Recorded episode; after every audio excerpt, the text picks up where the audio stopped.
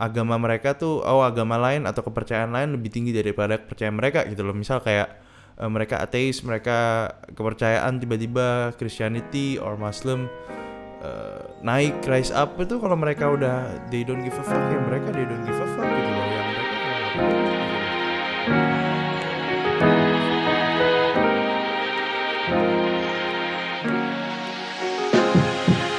Hey everyone, welcome back to Pascal suatu ketika season 1 episode 23. By the time gue upload ini harusnya lo pada udah tahu ada sebuah berita menyedihkan datang dari Islandia Baru, New Zealand yang di mana 50 orang ditembak oleh seorang teroris, a Caucasian terrorist. Oke, okay, uh, so today gue pengen ngerespon masalah uh, terorisme.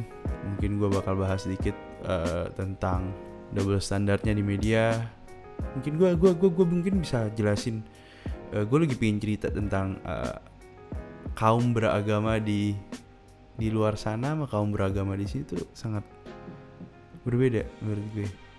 Nggak nyambung ya? Udah dengerin aja deh so yes guys uh, jadi pada suatu ketika ada seorang cowok kulit putih ya kan? Dia datang ke masjid terus dia tembak-tembakin orang-orang mati banyak orang. 50 orang. Uh, ini penembakan paling gede di Islandia Baru. Uh, banyak yang bilang ini orang kayak gini kayak kayak ngelakuin hal ini karena dia pergi ke Eropa terus habis dari Eropa dia kayak orang-orang bilang hidupnya berubah. Ada yang banyak, banyak alasan sih. Ada yang bilang waktu kecil dia suka dibully. Well kita nggak pernah tahu. Well mungkin itu salah satu alasannya tapi variabelnya banyak gitu yang buat dia ngelakuin hal ini. Gue ngerasa dia ini kita bisa consider orang ini adalah teroris. Kata teroris sendiri sebenarnya lumayan aneh kalau diucapkan pada orang kulit putih. Soalnya lu pada kalau inget teroris pasti yang kena tuh brown people, ya kan? Brown people orang-orang kulit coklat, uh, orang-orang South Asian, orang-orang Middle Eastern yang di mana selalu identik dengan kayak terorisme gitu yang kayak kalau misalkan di Amerika tuh orang-orang lihat brown people tuh mereka bisa ketakutan dipikir teroris. Ini selalu kayak gitu. Karena kenapa? Media sendiri selalu stereotypin orang-orang brown people ini sebagai teroris. Mereka jarang portray kayak Caucasian dude jadi seorang teroris. Jarang banget man ini ada double standard di sini. Ini ini stereotype yang ngebuat somehow kita selalu berasumsi bahwa brown people itu adalah teroris. Contohnya, gue kasih contoh lagi. Uh, kok gue langsung masuk ya tapi by the way. But well, I don't know. I just really want to talk about it. Jadi gue ngerasa ada double standard di sini gitu loh. Uh, kalau kalau lu ngeliat kulit hitam ya, kalau lu nyadar koran-koran di Amerika itu setiap kali ada crime, waktu yang lakuin kulit hitam mereka ngomong kulit hitam gitu loh. Two black or two African American ngelakuin apa gitu.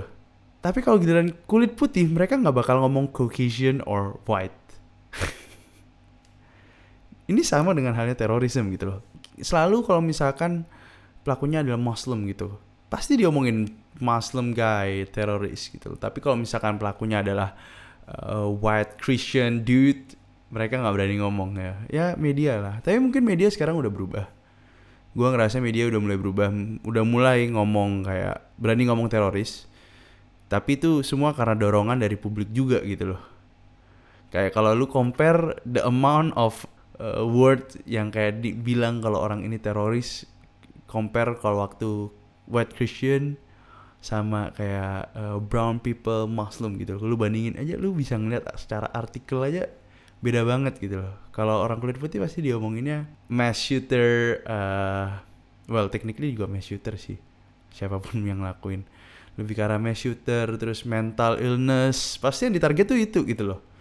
Sedangkan kalau misalkan kita ngelihat uh, brown people, pasti diomonginnya agama gitu yang dibawa-bawa. Yang gue selalu ngerasa kayak why? Lucunya media tuh selalu kayak gitu. Asumsi gue adalah asumsi gue adalah karena media terlalu comfortable dengan stereotip yang ada media nggak berani buat politically correct gitu loh biar nggak nggak nggak nggak mempertanyakan apa yang dilakukan media ini itu kalau misalkan bayangin aja lu baca koran tiba-tiba two Caucasian dude rob a bank gitu. Pasti tanda tanya lu kayak hah? Ini ini koran aneh-aneh aja. Nggak common gue ngeliat hal kayak gini. Sama halnya dengan terorisme. Padahal menurut gue kasus ini itu uh, gue bisa bilang ini adalah sebuah kasus uh, terorisme. Coba kita kita kita lihat artinya dulu ya terorisme itu apa jadi uh, terorisme itu adalah the unlawful use of violence and intimidation especially against civilians dengerin nih in the pursuit of political aim jadi lu pada denger gak? Kuncinya itu adalah in the pursuit of political aim. Gue kasih gue kasih arti lain yang mungkin kayak based on biar artinya banyak. Oke, okay, menurut Wikipedia, terrorism is in the broader sense the use of inten intentionally indiscriminate violence as a means to create terror among masses of people or fear to achieve a religious or political aim. Dengerin. Of, or fear to achieve a religious or political aim. Jadi uh, gak, gak, gak selamanya tuh selalu religius gitu loh. Tapi justru dari dua definisi ini kita bisa simpulkan bahwa terorisme itu lebih ke arah political aims kan. Uh, dan orang ini jelas-jelas political aims gitu. Dia dia dia dia pingin dia tuh white supremacy gitu loh. Uh, dia tuh neo-Nazi gitu loh.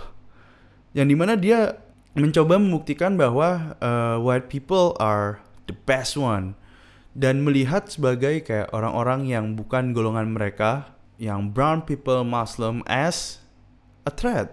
Jadi ini jelas-jelas teroris. Act media harusnya panggil dia teroris kalau memang media juga manggil uh, brown people teroris gitu loh. Harus diperlakukan sama. Bukannya malah satu dipanggil karena dia putih uh, dan Christian, dia dia dia nggak bisa dipanggil teroris. Nggak nggak boleh kayak gitu gitu. Makanya double standard ini loh yang bikin uh, sebenarnya gue ngerasa iba sama brown people yang muslim gitu loh. Itu yang bikin bikin bikin gue kesel sih secara media. Jujur aja. Tapi jujur sih gue ngerasa iba sih ya well bukan iba ya. Tapi gue ngerasa uh, let's see what's what's the better word? Uh, gue ngerasa orang-orang yang kayak gini tuh sebenarnya ada background yang menurut gue kita bisa kasihanin gitu. Bukan kasihanin lebih lebih ke arah kayak uh, yang kita harusnya lihat juga gitu loh. Orang-orang yang kayak gini menurut gue mereka tuh insecure man mereka insecure akan value mereka yang tadi gue bilang yang yang kalau white supremacy itu ngeliatnya brown people itu as a threat di value mereka. Wah udah mulai banyak nih jumlahnya nih. Wah udah mulai mau menguasain Islandia baru. Jadi mereka langsung defensif banget kan? Sama kayak halnya kalau gue ngelihat orang-orang yang jihad gitu yang yang suka uh, kalau lu lu tahu bom Bali kan? Bom Bali tuh banyak orang-orang ekstremis yang radikal itu mereka sampai bunuh diri karena mereka kalau misalkan mati uh, membela apa yang dia percayain gitu kan itu tuh bisa masuk surga ya kan kayak gitu tuh biasanya ada ketua cultnya ketua uh, aliran sesatnya gitu loh. Kayak mereka bilang biasanya mereka bilang atas nama agama ini, tapi biasanya mereka buat versi agama ini sendiri gitu loh yang jadi uh, dibuat lebih ekstrim yang yang kayak oh ya lo harus bunuh uh, di specific group gitu loh. Dan kalau lo lihat dari bom Bali itu mereka di bom bom bunuh diri gitu ya biasanya mereka diiming-iming lu kalau ngelakuin hal ini bisa masuk surga gitu. Dan gue ngerasa mereka tuh insecure banget gitu. Mereka nggak yakin kalau mereka masuk surga ditambah dengan doktrin yang ada dari orang-orang yang ada di sekitar mereka. Makanya mereka ngelakuin gitu loh. Kalau mereka udah percaya percaya, ah, gue pasti percaya gue masuk surga mah mau gimana pun juga. Nah kalau udah percaya gitu mah udah nggak mungkin mereka ngelakuin hal kayak gini kan. Kayak lu lu lu ngeliat lagi deh uh, The Beatles gitu, John Lennon. John Lennon ditembak waktu itu sama ekstremis uh, Christian gitu kan ya Christian ekstremis gitu kan uh, emang John Lennon lumayan nakal sih uh, banyak-banyak lagu-lagunya based on drugs terus udah gitu uh, few few times kayak gue kalau nggak salah dia pernah ngomong yang paling terkenal tuh dia lebih populer dari Jesus di interview dia tahun 1966 ya ya gimana ya? Menurut gue ya ya udahlah dia dia ngomong kayak gitu wah ada risikonya tuh. Risikonya adalah lu dibunuh sama orang Kristen gitu loh. Orang Christian ekstremis bakal bunuh lu gitu. Itu salah lu gitu loh. Salah John Lennon ngomong kayak gitu. Well semua orang punya hak buat ngomong ya. But no matter what killing people killing other people is a wrong thing. Dan menurut gue ya dibunuh juga karena orang-orang ekstremis ini mereka insecure banget sama John Lennon dan agama dia sendiri gitu loh. Waktu dia melihat John Lennon ini adalah uh, sesuatu yang sesat, wah dia bilang dia lebih populer daripada Jesus. Uh, terus dan emang actually Beatles lagi gede banget gitu kan. Wah ini orang kurang ajar nih, makanya ditembak. Nah bayangin kalau gue yang ngomong kayak gitu. kalau gue bilang gue lebih populer daripada Jesus, terus kayak gue yakin orang itu siapa nih orang? Ngerti gak sih maksud gue? Karena orang sekarang John Lennon tuh gede dan dia ngomong kayak gitu makanya nih orang yang lakuin yang nembak ini siapa sih namanya nembak? Gue lupa. Uh, dia jadi eh, semacam takut gitu insecure. Uh, eh, KKK Ku Klux Klan. Waktu orang hitam rising up waktu udah banyak uh, waktu kalah Amerika Selatan tuh kalah waktu Civil War ya habis Civil War di mana slavery di abolish, dihilangkan uh, dari Amerika yang orang hitam punya hak. KKK kan langsung langsung lebih aktif gitu loh, langsung lebih giat-giatnya bunuh-bunuh orang hitam gitu loh. Kayak cleansing-cleansing gitu, kayak kayak film The Purge gitu ya. Emang mereka purging sih. Jadi bunuh-bunuh orang-orang hitam gitu kan ya. Itu tuh dikarenakan ya mereka insecure gitu loh. Jadi kalau lu tanya ke gue problem sebenarnya dari terorisme itu apa? Insecurity gitu loh. Karena mereka nggak bisa ngehargain value orang lain. Mereka nggak bisa respect pemikiran yang beda dari mereka gitu loh. Saat pemikiran mereka udah mulai dipukul saat pemikiran mereka udah mulai dipertanyakan mereka udah mempertanyakan meragukan apa yang mereka percayain duh gimana ya gue takut. Makanya mereka ngelakuin tindakan-tindakan yang kayak gini. Pembunuhan kayak uh, mass shooting uh, terorisme ya yang yang tadi kasus-kasus tadi gitu loh. Sadly sih itu itu menurut gue alasan yang paling uh, bener dari bukan paling bener maksud gue kayak alasan yang paling masuk akal menurut gue uh, kenapa terorisme ini bakal selalu ada dan gak bakal stop karena semua orang di dunia ini insecure bayangin aja ada berapa banyak milenial sekarang yang insecure about uh, how they look how they how they apa sih kayak achieve their goal dapet gak gimana cara mereka ngelakuin goal mereka aduh orang milenial manusia tuh sekumpulan makhluk hidup yang insecure menurut gue. Jadi hal ini normal banget ya. Bukan normal as kayak bakal terus selalu ada. Kayak yin and yang gitu cuy. Setiap kali ada yang baik pasti ada jahatnya juga gitu loh. Tapi untungnya Islandia baru tuh kayak nggak kayak Amerika gitu kan. Kalau Amerika tuh susah ada namanya amendment atau amendment apa sih bahasa Indonesia tuh? pokoknya intinya kayak Pancasilanya mereka gitu loh Pancasilanya mereka bear to right arms gitu loh mereka punya hak untuk memegang senjata jadi bayangin aja lu konsep negara lu misalnya kayak Indonesia ketuhanan yang maha esa gitu. Dan lu pingin menghilangkan konsep ketuhanan yang maha esa kan? Nggak mungkin gitu kan. Jadi konstitusi ya? Konstitusi ya mungkin amendment itu. Ya kan? Gue lupa bahasa Indonesia apa tapi ya kalau Amerika lebih susah. Jadi jadi makanya Amerika udah berapa banyak mass shooting sampai sekarang nggak pernah ada uh, gun reform gitu. Tetep aja semuanya boleh bawa senjata. Gila serem banget ya but well no matter what gue tetap sedih uh, buat umat muslim tentunya yang kehilangan 50 saudara saudari di New Zealand for sure. Padahal tuh man umat beragama tuh kalau misalkan di kota-kota yang kayak gitu di tempat yang uh, gue bisa bilang negara maju gitu kan yang udah banyak orang yang gak gitu percaya agama orang yang punya agama yang memegang suatu kepercayaan itu biasanya most of the time tuh mereka lebih welcome loh gue gue gue sih gue pengen sharing pengalaman aja sih. Uh, yang gue lumayan shock adalah jadi gue gue gue ceritain nih kayak kayak mungkin lu kayak wondering kan oh uh, apakah emang ada umat muslim di tempat negara-negara maju? gitu loh. Sebenarnya kalau lu menurut pengalaman gue dude they're so peaceful gitu. Uh, gue masih ingat one time salah satu temen gue itu puasa kan dia muslim gila dia puasa gila gue akuin ini orang MVP banget kenapa? Karena di Amerika di Amerika loh waktu itu. Gila men dia masih rajin sholat lima, waktu. Yang menurut gue damn. Kebanyakan anak-anak muda gitu ya. Aduh gak bisa sholat lima waktu tuh. Ajar hal yang mustahil buat mereka. Apalagi kalau yang pagi gitu kan ya yang subuh. Kayak bangun itu di Amerika susah banget loh. Gue akuin bangun pagi di Amerika tuh kan dingin gitu kan saat lu dingin lu maunya di mana? Ya, di dalam selimut doang. Jadi gue akuin orang taat banget. Gue masih inget tuh jam 9 dia mau buka terus tiba-tiba dia ngajakin gue eh cuy lu mau ikut nggak?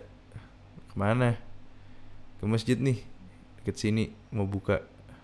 Lu mau buka bareng nggak? Gue kayak hah? Gimana gimana? Iya kita tiap kali buka selama bulan puasa kita selalu makan rame-rame. Itu banyak banget kok yang datang bukan muslim terus gue kayak damn. Sebenarnya gue baru realize di uh, waktu itu gue ikut uh, acara gereja gitu kan. Acara notabene nya banyak yang Christian. Ya semuanya Christian sih.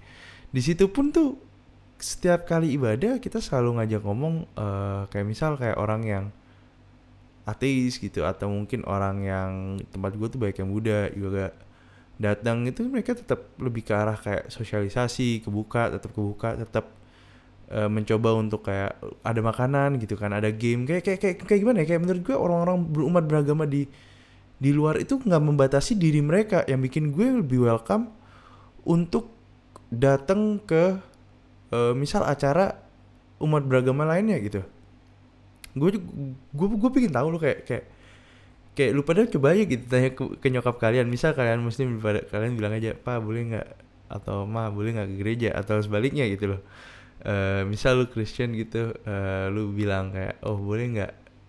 Kayak gue ke masjid itu pasti banyak lu pada kayak hah lu ngapain sih? Ada aneh.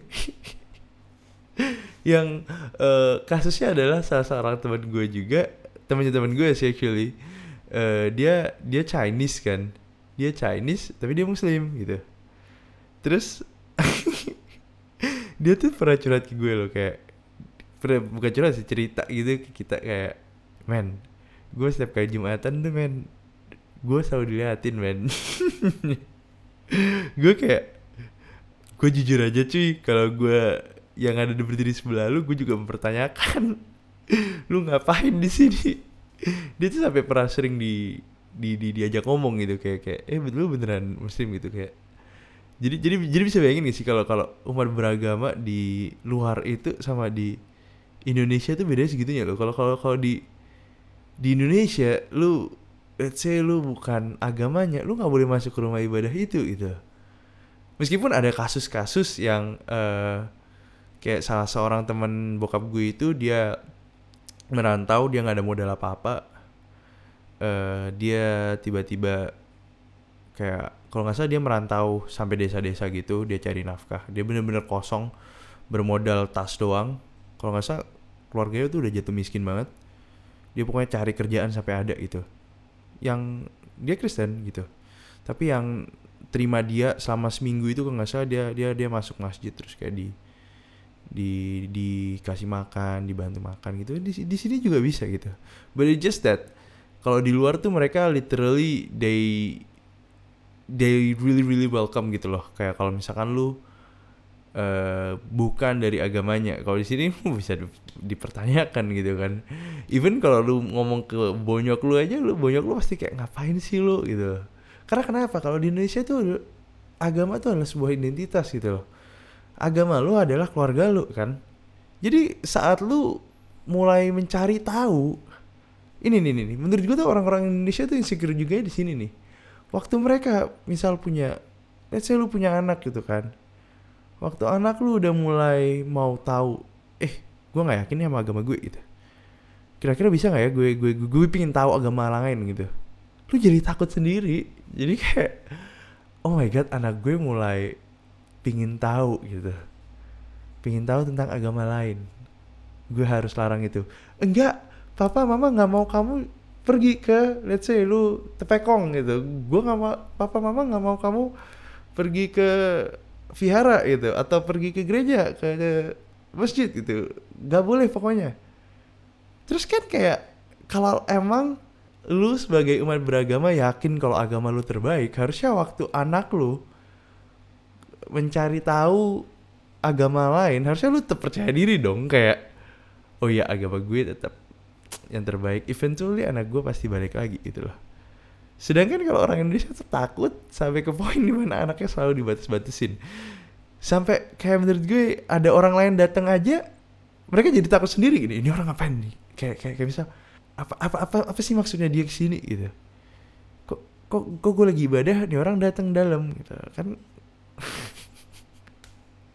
Menurut gue itu itu bedanya beragama di uh, di Amerika waktu gue dulu dan di waktu gue di Indonesia sangat culture-nya sangat berbeda gitu loh. Dan gue gue bisa ngerasain itu waktu di uh, waktu gue baca salah seorang uh, ada artikel waktu Christchurch shooting ini terjadi ada orang ini ada there is one guy yang tiba-tiba datang terus nembakin ya ya yang tadi gue bilang mau nembakin waktu nembakin one guy ini ada seorang yang berdiri terus kayak dia ngomong sebelum kata-kata terakhirnya adalah hello brother. Jadi kayak hello brother. Terus ditembak terus akhirnya meninggal kan. Tapi gue gue gue ngelihatnya adalah sebuah apa ya gue bisa ngeliat ini orang ada compassion. Ini orang ada bener-bener kayak sampai akhir eh, hidupnya dia mencoba untuk apply apa yang dia pelajarin di agama itu itu sebelum dia mati dia ngomong brother ke penembaknya gitu loh Padahal gue yakin waktu dia ngelakuin hal ini dia udah tahu dia bakal mati loh. Tapi man, gue salut banget man. For the fact that you still stood up kayak uh, masih ngargain call the shooter brother. Like damn. Itu masuk surga jalur undangan sumpah tuh orang. Gila gila gue salut banget sih. Kalau gue pikir-pikir lagi ya, sebenarnya semua masalah uh, yang dari tadi gue omongin tuh ya gue baru nyadar juga sih di penghujung acara ini tiba-tiba gue kayak uh, kepikiran. Sebenarnya semua masalah di dunia itu beneran loh yang tadi awal-awal gue bilang.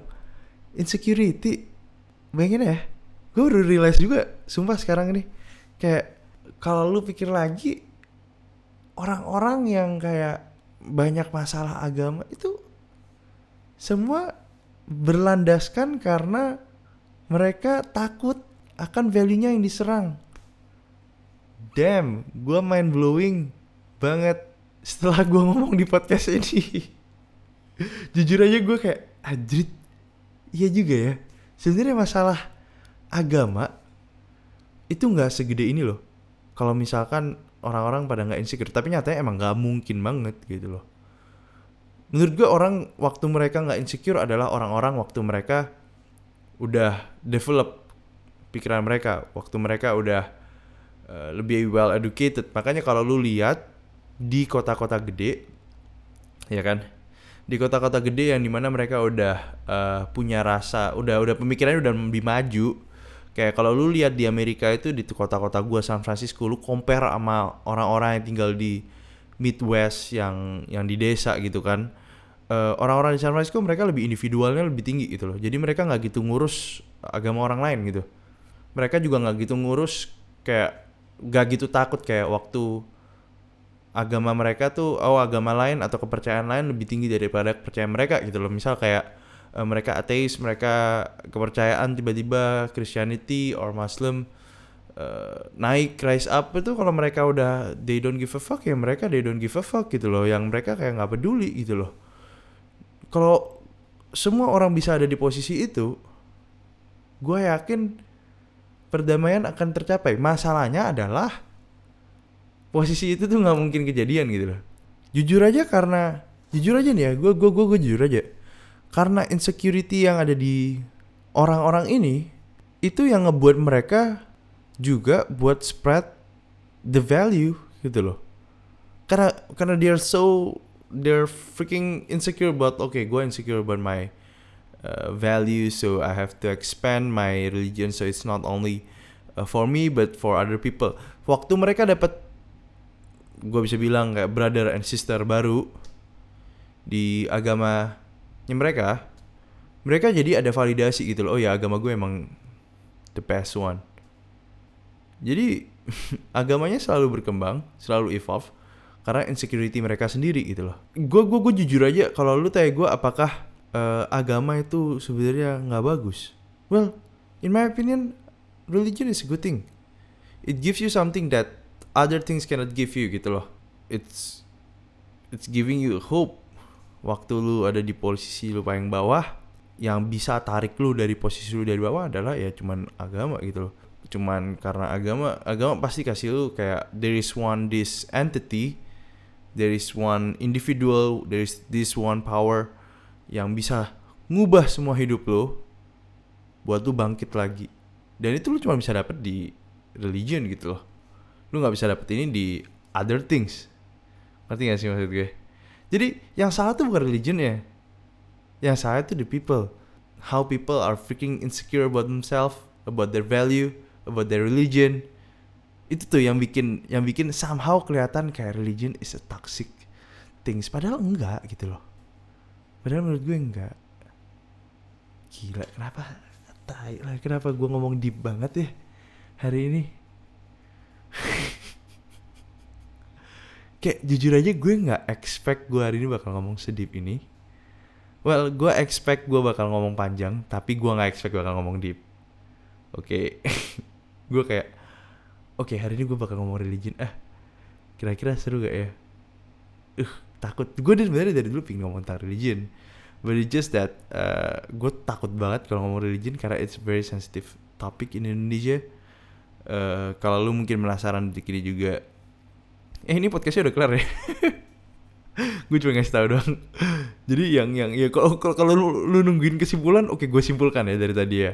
Uh, kesimpulan pertama adalah gue sedih karena Chris Church shooting for sure. Uh, yang kedua adalah orang-orang yang ngelakuin ini semua itu karena mereka insecure. Kayak yang tadi gue kasih contoh tentang John Lennon segala macam yang ketiga adalah gue kasih lu pendapat apa ya sih yang bisa lu contoh dari uh, orang-orang uh, beragama di luar and why I think like kayak kayak kayak I feel so sad that Muslim community lost 50 people of their own brother and sister And then the last one is like my thoughts on kenapa sih religion tuh kerasnya toxic banget. Padahal enggak gitu loh yang tadi gue udah jelasin. So yes, that's the podcast guys. Sorry banget gue lupa kasih nggak kalau tahu kalau podcast udahan. But hey, just my opinion though.